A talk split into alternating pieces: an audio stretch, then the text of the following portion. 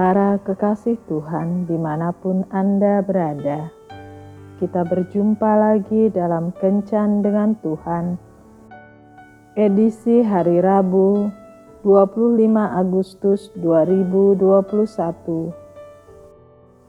Dalam Kencan kita kali ini, kita akan merenungkan bacaan dari kitab Amsal 4 ayat 23 jagalah hatimu dengan segala kewaspadaan, karena dari situlah terpancar kehidupan. Bapak, Ibu, dan saudara-saudara terkasih, suatu hari seorang nyonya yang tinggal di sebuah kota melihat ke arah luar jendelanya. Ia melihat sebuah truk besar mendekati rumahnya setelah truk berhenti, dari dalam truk itu berlompatan beberapa pemuda, dan mereka mulai menurunkan gitar-gitar listrik, pengeras suara, dan drum. Mereka memindahkan semua itu ke sebuah rumah di dekat situ.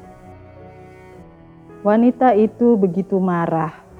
Sekarang, waktu istirahat malam, dan telinganya serta kehidupannya akan terganggu oleh kegaduhan yang akan muncul dari rumah itu. Ketika suaminya pulang bekerja, ia pun berteriak, "Kita harus segera pindah dari sini. Jika tidak, kita akan segera tuli dan menjadi gila karena adanya sekelompok pemusik di sebelah rumah kita." Tetapi suaminya menenangkannya dan berkata, Sayang, kenapa kamu marah? Tidak tahukah kamu siapa mereka itu? Mereka adalah sekelompok pemusik terkenal di negara kita. Mereka telah berkeliling dunia untuk pentas di hadapan banyak penggemar mereka. Kita seharusnya senang. Mereka akan pentas beberapa waktu di sini, karena kita bisa menikmati alunan musik mereka yang terkenal itu secara gratis.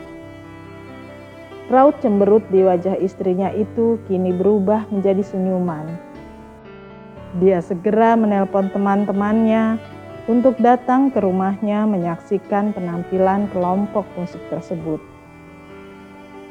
Mungkin pernah terjadi dalam hidup kita saat situasi tidak berubah dan keadaan juga tetap tidak berubah.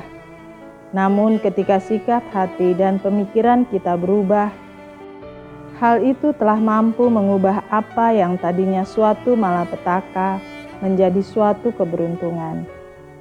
Jadi, bila suatu ketika kita merasa keadaan seolah sangatlah buruk, dan kita tidak kuasa untuk mengubah keadaan itu dalam sekejap, maka ubahlah sikap dan pemikiran kita terlebih dahulu.